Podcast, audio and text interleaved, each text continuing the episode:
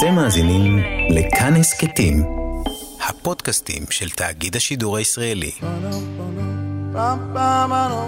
כל ישראל, אוצרות הארכיון.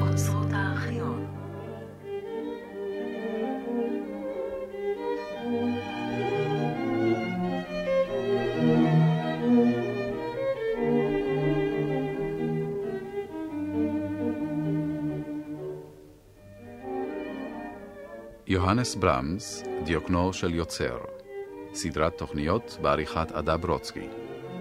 התוכנית הראשונה, המצוקה והאורה, או ילדות ברובע הנמל. יוהנס יצחק נוי. מספרת איריס לביא.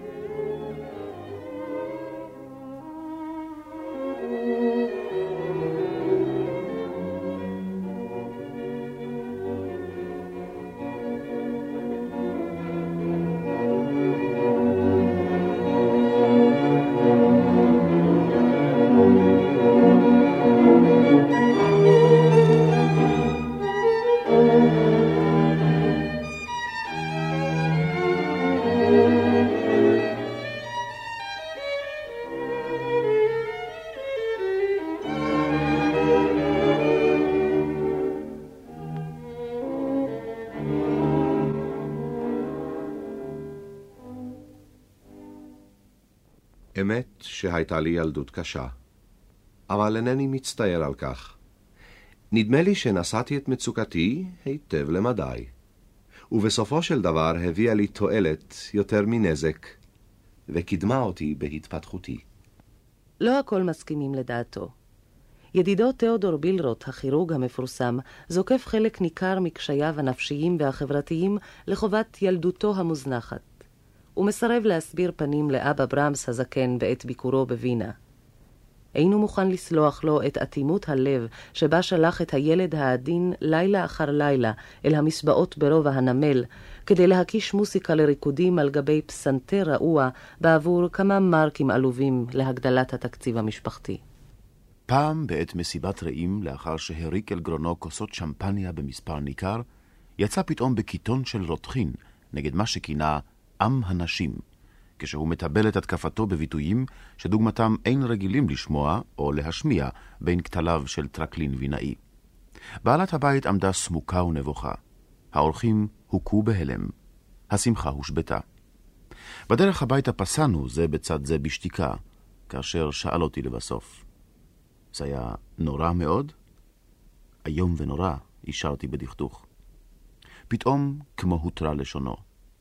ראיתי לפניי את הילד הבלונדי באוויר הדחוס, עשן טבק ועדי בירה, אצבעותיו מטרטרות מחרוזות של פזמוני רחוב, עיניו בספר שירה שהציב לפניו על כאן הפסנתר.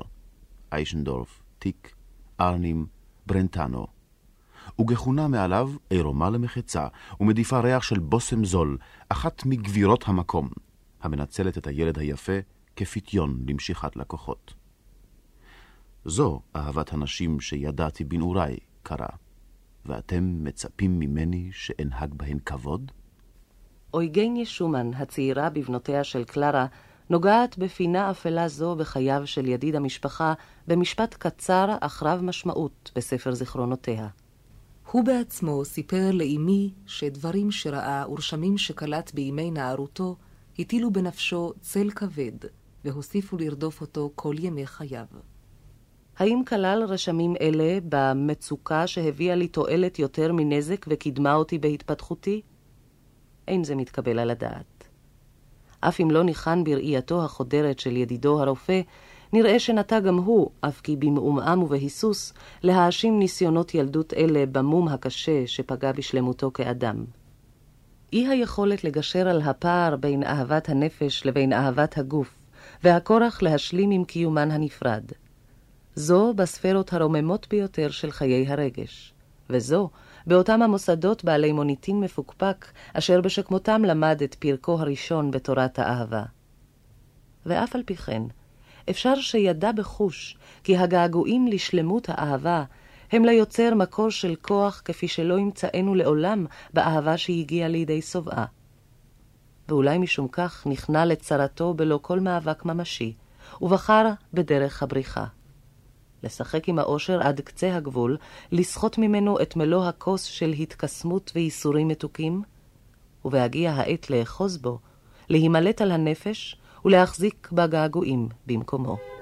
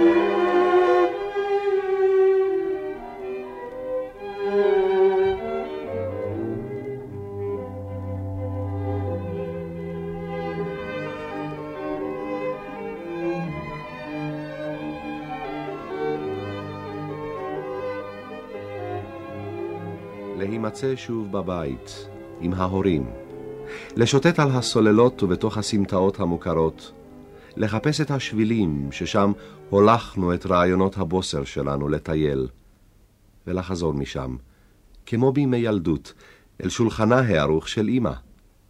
היתואר אושר גדול מזה. הבית הוא מרכז היקום, לפחות בתורת אידאה, אף כי לא בכל עת בהתגלמותו המוחשית. הוא הקן שדלתותיו פתוחות לעולם בציפייה ובאהבה לפני הטועה בדרכי החיים. כדי לקיימו בשלמותו, בוחר הבן הרחוק להתגורר במשך שנים במלונות אורחים ובחדרים מרוהטים, בלא ספריו, תוויו, חפציו. אלה מקומם בבית, אצל אבא ואמא. שם הם מחכים לו ומשרים על כל אחד מביקוריו הנדירים את שביעות הרצון העמוקה של אדם החוזר אל שלו. כשאין עוד אמא, ינדדו בעקבות אבא אל הדירה שבה השתקע עם אשתו השנייה ועם בנו החורג. וכשאין עוד גם אבא, ואין עוד גם אח וגם אחות, עדיין תשב אותה אשת חיל, שהעתיק אליה את השם אמא, בין הרהיטים הישנים והחפצים היקרים, תפקח עליהם עין אוהבת, ותשקוד על כך שבעליהם הרחוק לא ימצא עצמו ביום מן הימים בן בלי בית. אמא יקרה, שוב שלחת לי חבילה טובה כזאת. בטוחני שבווינה כולה אין עוד אדם היכול להתברך במבחר כזה של פוזבקאות צמר, תאווה לעין ולרגל. וכיוון שכבר הסכנת למלאכת האריזה והמשלוח, אולי תוכלי למצוא לי ספר אחד בארון הספרים שלי, במדף התחתון בצד שמאל, גודלו כגודל גיליון זה של נייר מכתבים כשכל קיפוליו פתוחים. הוא נתון בתוך עטיפת נייר לשם שמירה על כריכת האור היפהפייה. הדפים חתוכים בזהב, הוא כתוב בשפה האנגלית ואינו אלא כל כתבי שייקספיר. בניגוד לבית שבלב, זה שבמציאות חסר את סגולת היציבות מכל וכול. לא פחות משמונה פעמים על יוהנס הילד והנער להסתגל לסביבת מגורים חדשה, בנדידה רצופה בין פרברי העוני של המבורג. אם בעיר העתיקה או בעיר החדשה, בתוך החומות או מחוצה להן. יש שהשינוי נובע מהידרדרות נוספת במצבה הכלכלי של המשפחה, ויש שהיא מצביעה על תקופה של שגשוג יחסי. אך המשקיף מן הצד יתקשה להבדיל בין זו לזו, שכן לכל הדירות מראה אחד. לעולם אותם חדרים זעירים, שאין בהם מקום לא לדיירים ולא לרהיטים. אותה אפלולית תחובה ודחוסת ריחות העולים מן הסמטה הדחוקה לפנים ומן החצר המזוהמת מאחור, כשזו וגם זו שרוצות זעתותים ביום והאספסוף בלילה. רובע הנואפים הוא הכינוי המקובל למבוך של חצרות ובתים אחוריים, סמטאות כוכים ומחילות, שבו יוצר הילד יוהנס את מגעיו הראשונים עם העולם הסובב. נער כחול עיניים ובהיר שיער, קטן ועדין להדהים בין נערי הרחוב החסונים, שמבטו הצונן והמנותק מקהה בהם את חדוות ההתעללות. בבית פנימה, בפינה שהיא שלו, הוא מעמיד את חיילי העופרת שלו בהיערכויות חדשות לבקרים, שעות על שעות, בדבקות בלתי נלאית. על אף רפיפותו לכאורה, הינו ילד בריא בגופו. להוציא שישה שבועות של החלמה מתאונה שבה הושלך אל תחת גלגליה של עגלה דוהרת, אין הוא מחסיר במשך שמונה שנות לימודיו בבית הספר, אלא יום לימודים אחד ויחיד. וזאת לא מטעמי בריאות, אלא משום יצר השתמטות הרפתקני, המושך אותו אל השטחים הפתוחים על גדות הנהר, ושמור בזיכרונו כיום הפרוע ביותר בחיי.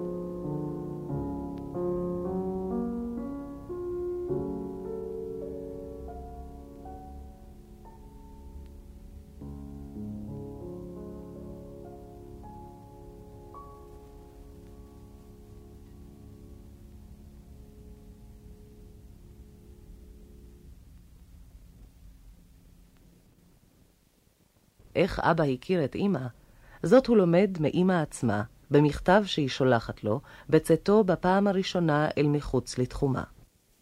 דודתך ואני גדלנו בפשטות כזאת. אבי היה חייט. הוא מת עליי עוד בהיותי בת שמונה. בגיל 13 התחלתי לצאת לעבודות תפירה. בשש בערב הייתי חוזרת ועוזרת לאמא במשק הבית. לפעמים תפרתי עד חצות. אחר כך שירתתי במשך עשר שנים אצל משפחה מהוגנת מאוד, אחר כך שוב יצאתי לתפור. אחר כך התחתנה הדודה עם דודך יוהאן דטמרינג, שעבד בנמל בעבודות פריקה, ועברתי להתגורר איתם. פתחנו יחד חנות של גלנטריה, וגם המשכתי להשתכר מעט כסף בתפירה. אביך שכר אצלנו חדר, וכך התוודענו. הוא הרגיש טוב מאוד אצלנו, כי מצא מעון נקי וארוחות מסודרות. עד אז התגלגל בכל מיני אכסניות על יד הנמל. שבוע לאחר שנכנס לגור אצלנו, ביקש ממני להיות אשתו. היה לי קשה להאמין בדבר בגלל ההבדל הגדול בגיל. הוא היה בן 24, בחור גבוה כזה ונאה, ואני כבר הייתי בת 41. אבל הוא דיבר על כך שוב ושוב, וגם הדוד שלך היה בעד. אז תפסתי בסוף שהוא באמת מתכוון למה שהוא אומר. אין ספק שהקלייזמר הצעיר מן הכפר, הנאבק בעיקשות על מקומו ביריד השעשועים של העיר הגדולה, נכנס אל תחת כנפיה של כריסטיאנה ניסן כחוזר אל חיק אמו. היא אישה גוצה, צולעת מעט ברגלה, בעלת עיני הכחול היפות שהורישה לבנה, מזג טוב, וכישרון להשרות אף על הדל במעונות אווירה של נוחות ואשליית רווחה. כשתבוא, הוציא את פינת הבישול מחדר המגורים לפרוזדור, ויהיה לנו מקום למכביר. קלרה שומן אוהבת להתארח אצלה.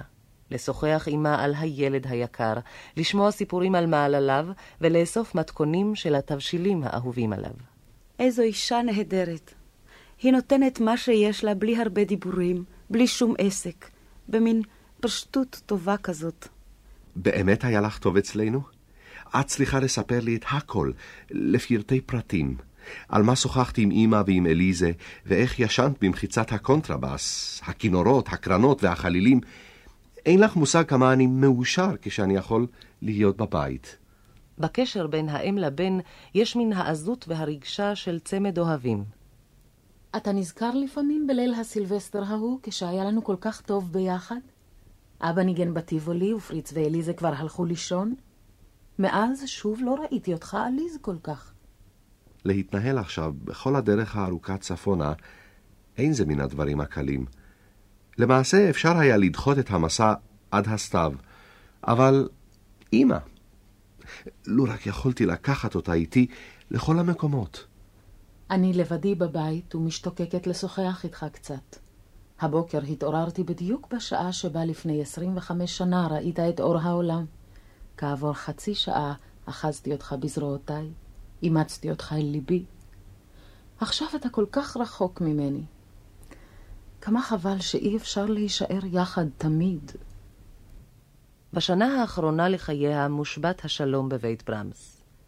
יוהנס השיג לאביו משרת ארעי כקונטרבסיסט בתזמורת הפילהרמונית. בדרך זו הוא מקווה לחלצו בהדרגה מן הנחותים יותר שבין עסקי השעשועים. גם עבודתו כנגן קרן במשמר האזרחי, המאלצת אותו לצאת לשמירות לילה ולהשתתף באימונים ובמצעדים, שוב איננה כפי כוחותיו. אמא אוסרת על אבא להתאמן בתוך הדירה פנימה, ומגלה אותו לעליית הגג. הצלילים הצורמניים מוציאים אותה מכליה. בתה אליזה, הסובלת ממיגרנות תכופות וקשות, תומכת בה בלהט. המריבה בין האישה הישישה לבין הגבר בגיל העמידה מתרחבת ומחריפה. יוהנס עצמו מייעץ לאביו לעזוב את הבית לתקופת הצטננות. אין הוא מעלה בדעתו שמותה הבלתי צפוי של האם יקדים את ההתפייסות המקווה. בימי המשבר של הפירוד, אין יחסו העמוק אל אמו גורע מן האהבה והדאגה שהוא משפיע על אביו, ומאורך הרוח הבלתי נדלה שבו הוא מגיב על קינטוריו. אבי היקר, הפעם רק מילים אחדות, רק משאלה, שתכתוב לי בכמה שורות מה שלומך ואיך הדברים הולכים. האם תמשיך לגור בחדר ששכרת? האם אתה מבקר לפעמים אצל אמא ואצל אליזה? איפה אתה סועד את ארוחת הצהריים? במסעדה? אני מקווה שהצעד הראשון היה הקשה ביותר, ומעתה הכל ייראה מפויס יותר. אני בטוח שאתה תורם לכך את חלקך. עליי אין הרבה חדש. לאחר שביליתי מספר ימים עליזים עם ידידיי גרין ויואכים, נסעתי הנה לבדן בדן. למרות שמרת שומן יצא לשוויץ, אני נשאר כאן לפי שעה. אמנם הייתי מעדיף לבלות את הקיץ אצלכם, אבל אם ברצוני ליצור לי אווירה כלשהי לעבודה, אני צריך להתרחק מעט, כדי שלא לחוש בחוזקה כזאת מה שאינו מרפה ממני אף לרגע. יש לי פה דירה נעימה בתוך גן יפה, אני רואה אנשים מאנשים שונים. בקיצור, חיי נסבלים. האם אתה יכול לפענח את כתב היד שלי? מכל מקום, אתה רואה שאני משתדל. אל תחוס על הכסף שנתתי לך. לכשייגמר, יימצא עוד. האם כבר התחלתם בחזרות על הסימפוניה התשיעית? האם כבר עברתם לכיוון החדש? האם אתה קורא גם את המכתבים שאני כותב לאימא? וכך בכל האהבה, יוהנס שלך. במכתבך אתה כותב שבילית מספר ימים עליזים עם יואכים ועם גרים. אם כי אינני מתנגד לכך שנחלצת מן הנסיבות העגומות שאנו נתונים בהם כאן לצורך עבודתך, אני רואה בכך חוסר רגש, כשבן מתחמק מן הצרות שירדו על הוריו ומבלה בנעימים עם חבריו. אתה כותב לי גם שהצעד הקשה ביותר כבר מאחוריי. האם אתה באמת חושב שדבר הקשור בכאב לב כל כך עמוק יכול להידחק הצידה כדבר של מה בכך? מכתבך האחרון הכאיב לי מאוד.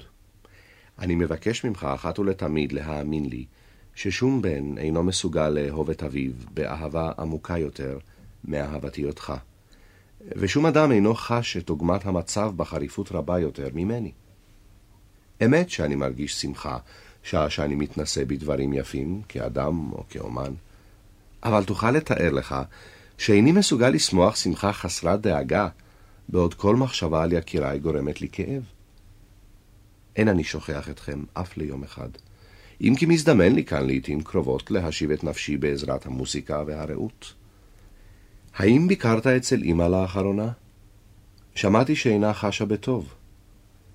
בלבביות מברך אותך, יוהנס שלך.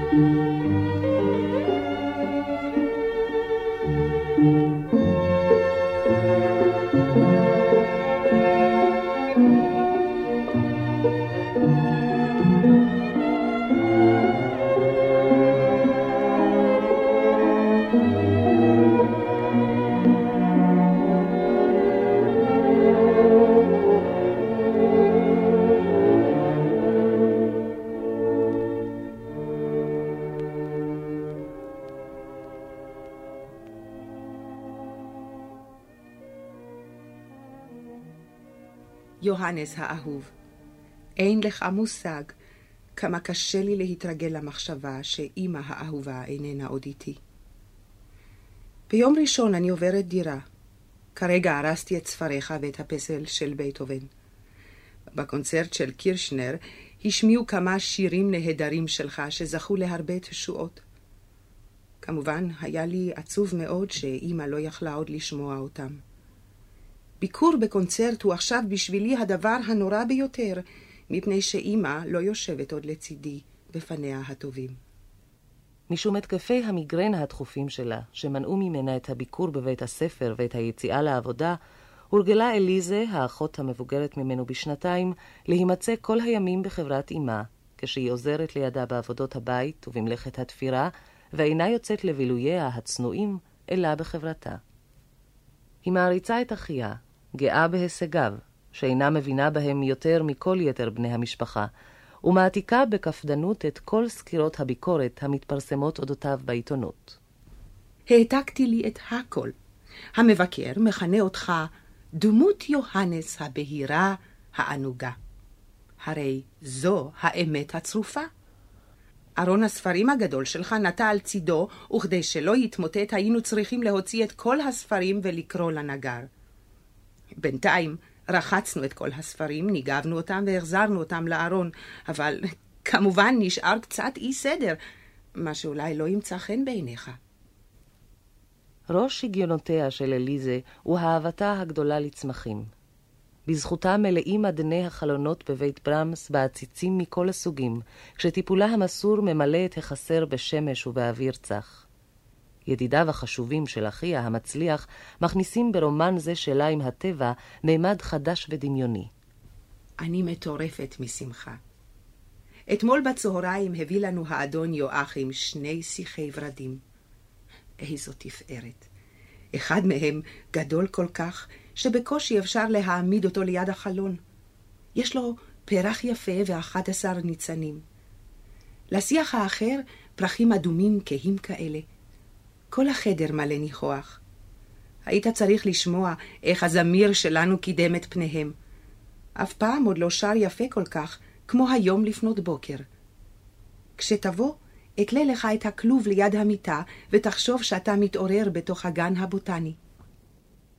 החוויה הגדולה של חייה היא המסע הנרחב לחבל הריין ולהרי שווייץ, שהיא עורכת בחברתם של אחיה וקלרה שומן, זמן קצר לאחר מותו של רוברט שומן בבית המרפא לחולי נפש. בשביל יוהנס וקלרה, אלה הם ימים הרי גורל, המתחילים ומסתיימים ליד קברו של המנוח, ומכשירים את הקרקע לפירוד. ואילו אליזה הטובה, שזו לה הפעם הראשונה לצאתה מעיר מולדתה, מרחפת בים של אושר. יוהנס שלי היקר, הטוב, הנפלא. ראשי עוד מלא מן המסע הנפלא. כל הזמן אני חולמת עליו. יוהנס היקר, ברגע זה אני נושאת את עיניי, ואני רואה את האלפים הנפלאים ואת הקרחונים. אתה עוד זוכר איך טיילנו בהיידלברג? אני עוד רואה אותך כשאתה מביט אלינו ממרומי המגדל הענקי. מרת שומן דאגה כל כך. הלילה חלמתי שהיינו בגרזאו ויצאנו לדרך בחמש אחרי הצהריים, כפי שנהגנו לעשות. וראינו את השמש שוקעת ועלינו במעלה ההר, במקום ששם מצאנו את כל האגוזים האלה. איזה נוף שמיימי נשקף משם. אני עוד זוכרת הכל, בדיוק. זה זיכרון יפה לכל ימי חיי.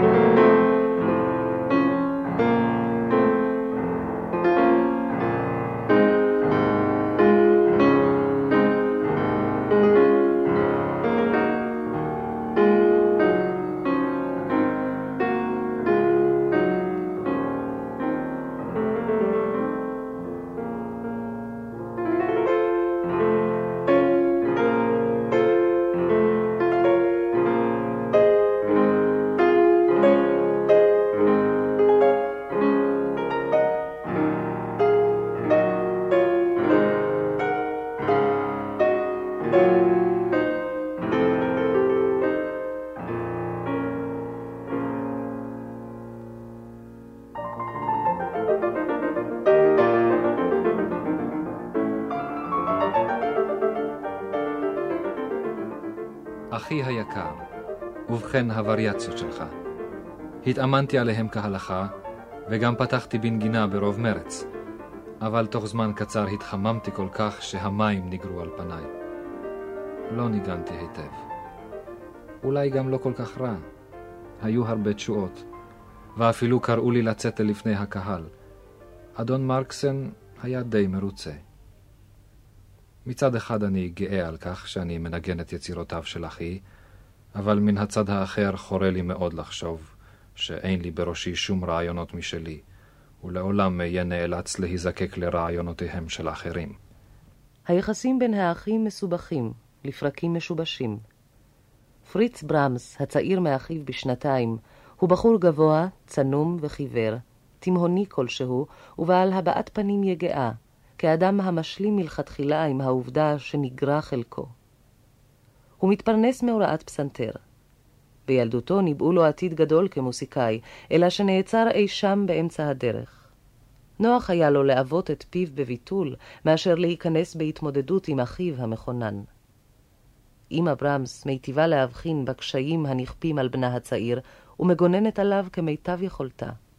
את שני הספרים שנתת לפריץ ואחר כך שוב לקחת ממנו, רוצה היה מאוד לקבל חזרה. יש לך ספרייה כל כך גדולה, האם לא יכולת להשאיר לו שני ספרים קטנים כאלה? אבא תמיד אומר שאנחנו מקפחים אותו. הילד המסכן לא אשם בזה שלא למד יותר. מאז שנסעת מפה הוא הולך יום-יום אל היינס להתאמן. הוא מקווה שאולי בכל זאת עוד יצא ממנו משהו. כמה יכול היה ללמוד ממך לו הייתם חיים בשלום ובאחווה? אחי היקר, שמחתי מאוד לשמוע שנתקבלת בווינה באהדה כזאת. למען האמת, די השתוממתי על כך. הייתי בטוח שהביקורת תתייחס אליך באיבה, או מכל מקום בקרירות. ועכשיו בקשה לי אליך. חורה לי מאוד לקרוא בעיתונים שאתה מוצג כתלמידו של שומן. זוהי פגיעה קשה במורנו, האדון מרקסן, כפי שתוכל לתאר לעצמך. לדעתי תמלא את חובתו של תלמיד אסיר תודה, אם תתקן את הטעות בהודעה בעיתון, דבר אשר למען האמת חייב היית לעשות מזמן. במשך שנים אחדות הוא מנסה את מזלו בוונזואלה. בשובו משם הוא מכונס ותימהוני עוד יותר, אם כי מקובל מעיר מולדתו כמורה לפסנתר שבאופנה. כינויו דר פלשה ברמס, ברמס הלא נכון, אינו עשוי להגביר את חיבתו לאחיו המפורסם.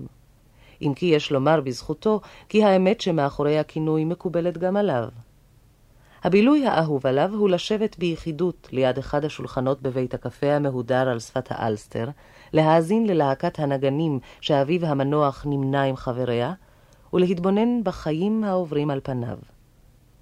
כאשר בימי מחלתו האחרונה מפצירה בו אמו החורגת להתארח בדירתה הכפרית, הוא עונה בסירוב. לכפר אינני יכול לעבור. הייתי מת שם משעמום. נחוץ לי לראות אנשים.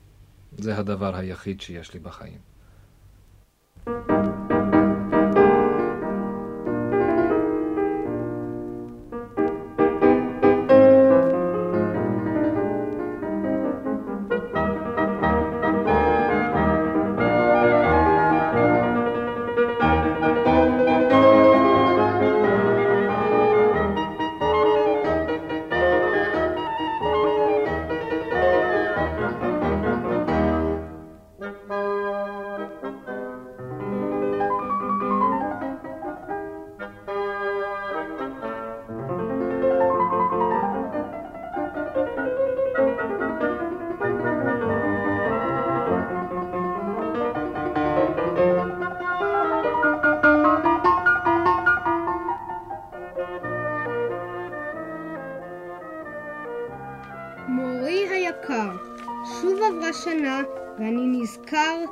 קידמת אותי במוזיקה במשך השנה שחלפה.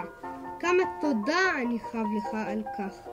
אמנם לא תמיד עשיתי את התרגילים כפי שדרשת ממני, אבל אני מבטיח לך שבשנה הזאת אעשה הכל בדיוק כפי שאתה מבקש. אני מאחל לך כל טוב לשנה החדשה ונשאר תלמידך הצייתן, יוהנס ברמס, המבורג 1842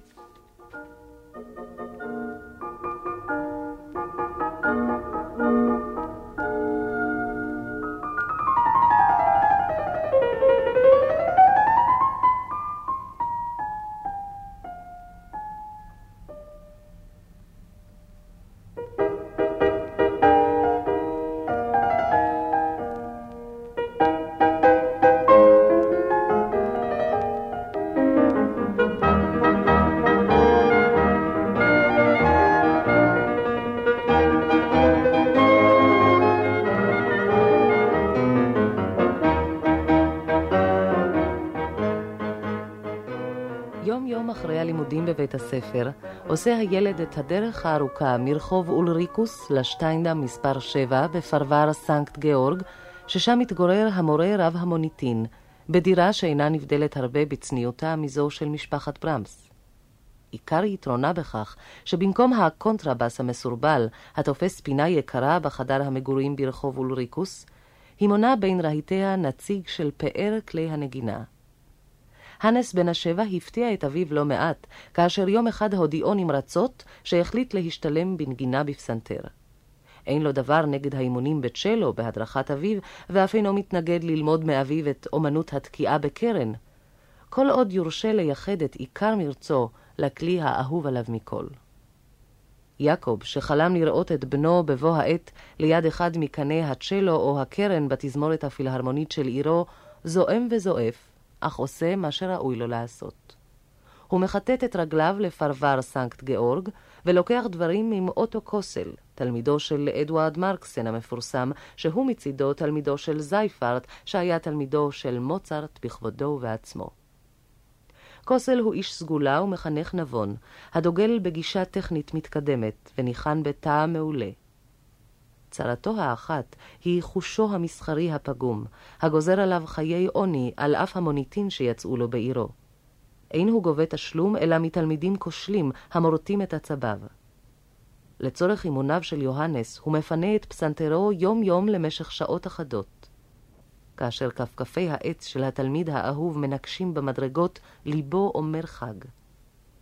דרישתו האחת מן ההורים ברמס, כפיצוי על מאמציו, שיניחו לבנם להתפתח בצנעה, ולא יגררו את כישרונו לפני הקהל בטרם עת.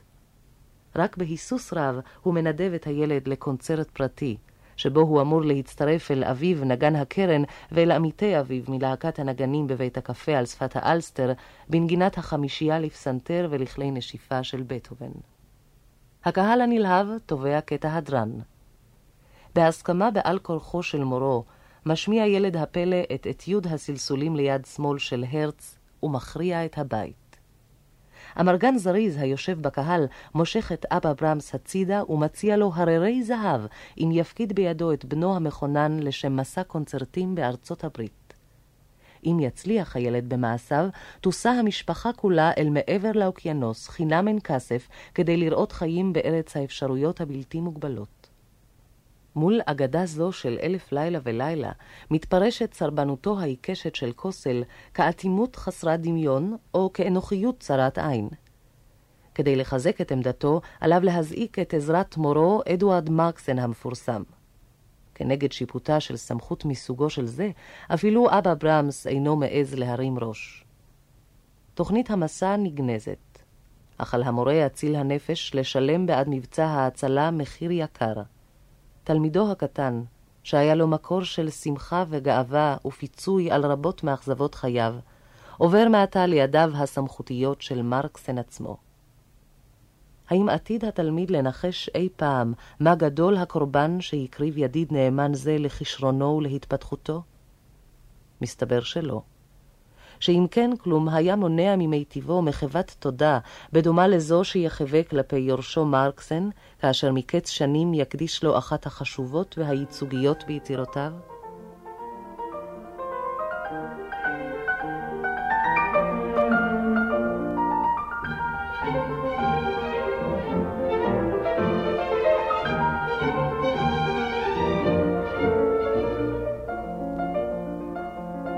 למורי היקר והאהוב אדוארד מרקסן, בתודה ובהוקרה מיוהנס ברמס.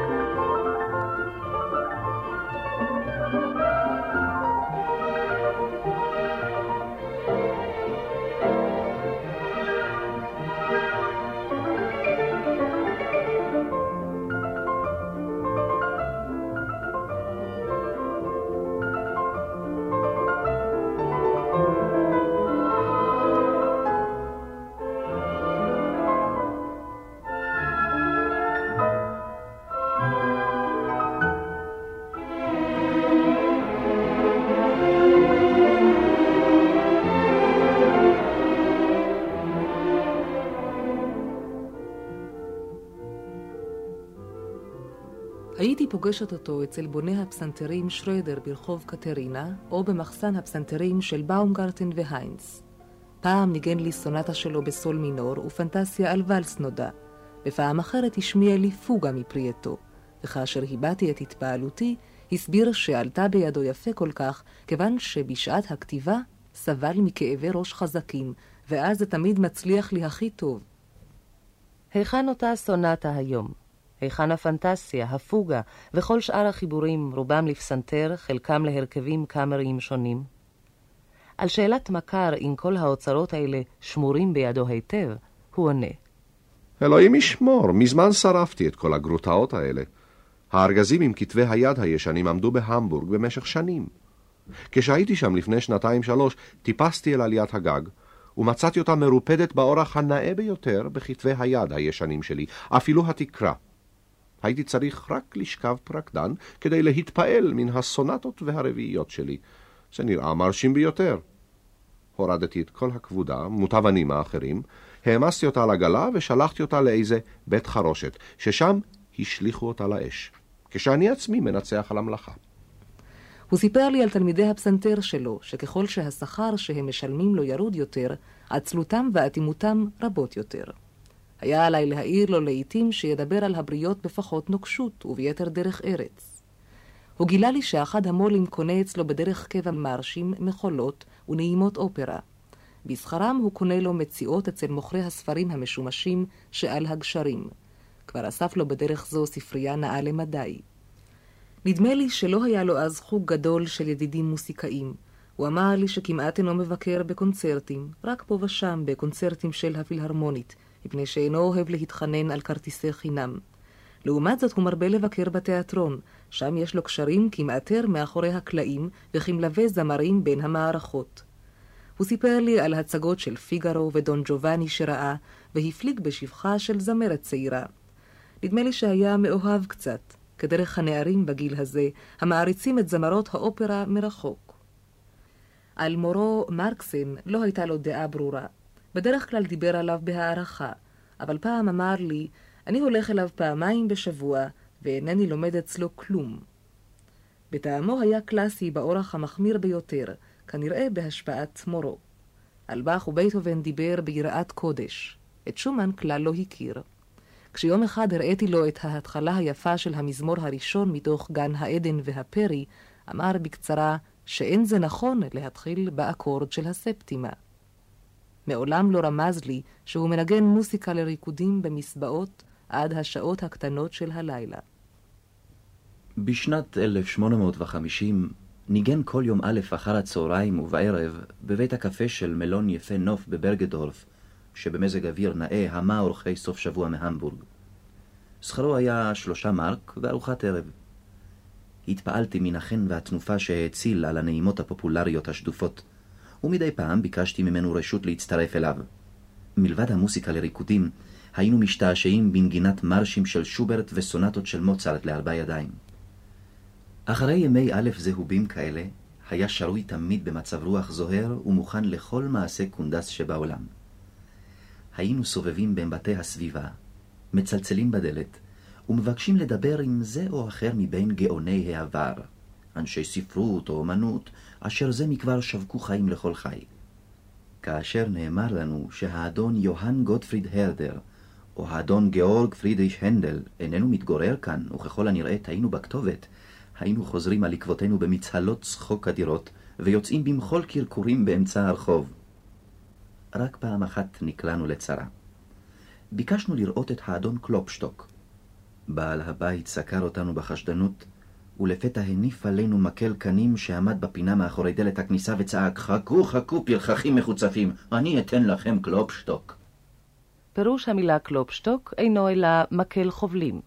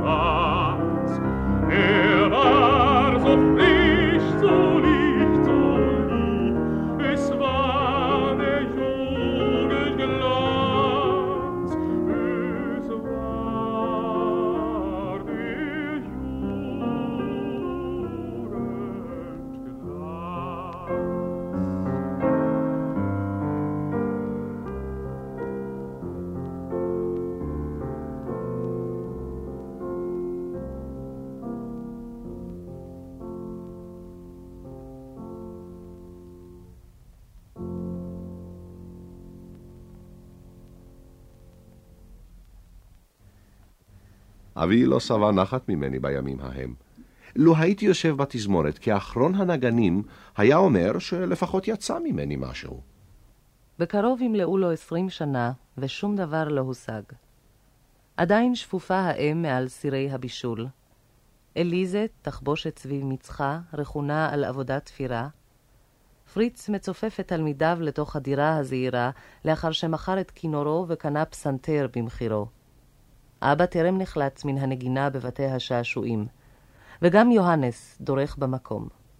הופעותיו כפסנתרן לא הרשימו את הקהל ההמבורגי המפונק בשמות זוהרים. ואשר לחיבוריו הספורים שהביא לפני הקהל, הרי שלא העז לקרוא עליהם את שמו, ומעט מילות ההוקרה שנתפרסמו אודותיהם בעיתון זה או אחר, התייחסו למלחין צעיר ששמו גאורג וירט. לא זה הדרך לקצור זרי דפנה.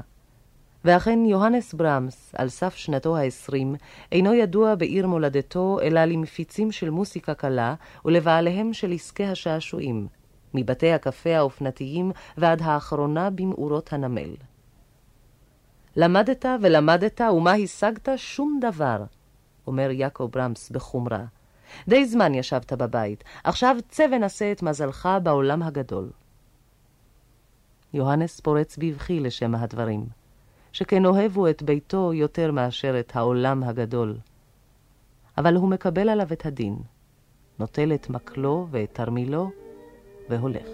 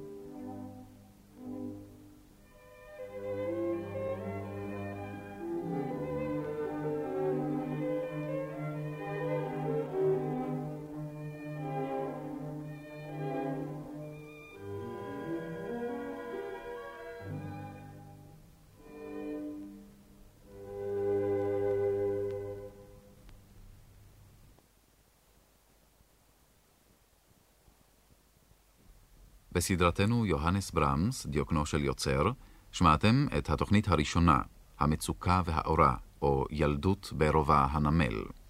השתתפו יוהנס יצחק נוי, האם גליה נתיב, האב עזרא הס, האחות נילי המאירי, האח בני הנדל, וכמו כן גבי ינון, אלדד ברון, ענת שרן ומוטי ברקן. סיפרה איריס לביא. מיצירות ברמס שמעתם בתוכנית קטעים מתוך החמישייה בסול מג'ור לכלי קשת, עם נגנים מתוך השמינייה הברלינית, מתוך וריאציות על נושא של הנדל, בנגינת הפסנתרן ון קלייבורן, ומתוך קונצ'רטו מספר 2 לפסנתר ולתזמורת עם הסולן ארתור רובינשטיין. דיטריך פישר דיסקאו ווולפגנג סבאליש השמיעו שני שירים מתוך הקבוצה געגועים הביתה, למילים של קלאוס גרוט, הו לו ידעתי את הדרך חזרה אל ארץ הילדות, ובעודי נער ראיתי פרחים בפריחתם. הביצוע הטכני היה בידי שמעון מורן. את התוכנית ערכה עדה ברוצקי.